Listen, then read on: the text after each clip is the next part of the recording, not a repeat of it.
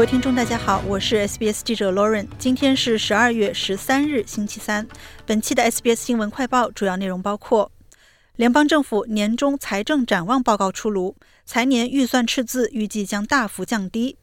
昆州北部将迎来强风暴雨，当局敦促居民保持警惕；联合国大会投票通过加沙停火协议。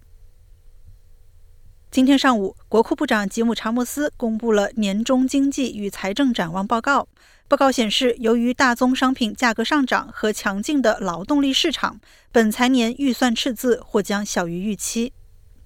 政府曾预测本财年将出现一百三十九亿澳元的赤字，而如今预计赤字将仅为十一亿澳元，这为明年五月宣布第二次预算盈余留下了希望。然而，这些政府财政收入是以许多人希望获得的进一步生活成本缓解为代价的。本次报告中并没有公布任何额外的生活成本纾困措施。报告显示，澳大利亚的工资正以十多年来最快的速度增长，但实际工资增长仅为百分之零点二五，并未实现百分之零点七五的本财年目标。除此之外，该报告还统计并展望了通货膨胀率、失业率和租房成本等数据。查莫斯部长表示，预期收入增长的百分之九十二将用于偿还债务，而非额外支出。此举也将有助于减轻通胀压力。本次预算更新和本届政府工作的核心都是关于负责任的经济管理。负责任的经济管理是对通胀施加下行压力、缓解生活成本的途径。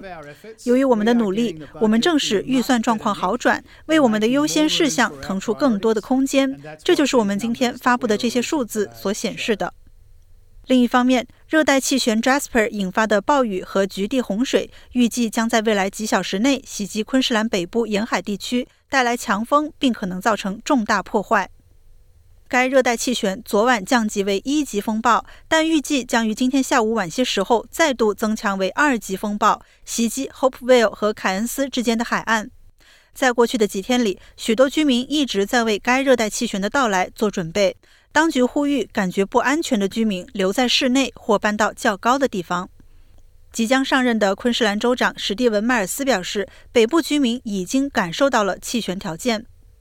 This morning, winds of 82 kilometers per hour. 今天早上，凯恩斯的风速为八十二公里每小时，Innisfail 风速超过四十八公里每小时，Lucinda 风速为五十六公里每小时。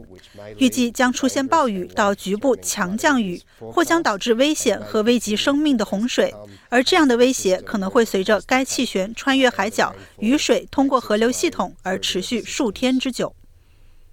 国际方面，澳大利亚已加入联合国大会对一项不具约束力的决议的投票。该决议要求加沙立即实现人道主义停火，而就在本次投票的数小时前，澳大利亚总理与加拿大和新西兰总理发布联合声明，对加沙人道主义状况的迅速恶化表示深切关注，并呼吁实现可持续停火。本周三，联合国大会的一百九十三个成员国以压倒性的优势投票赞成加沙停火决议。其中一百五十三个国家投下赞成票，十个投票反对，二十三个国家弃权。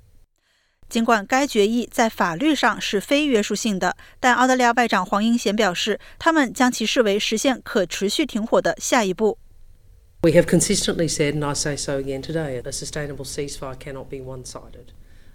我们一贯强调，我今天也要再次强调，可持续的停火不能是片面的。联合国大会再次强调，必须无条件释放所有的人质，这是正确的。我要再次重申我们以前阐明的相同立场：哈马斯是一个恐怖组织，哈马斯致力于摧毁以色列并伤害犹太人民。哈马斯在加沙未来的治理当中没有立足之地。感谢收听本期的 SBS 新闻快报，在任何的播客平台订阅 SBS 新闻快报并开启消息提醒，即可随时了解澳洲国内外新闻及社区资讯啦。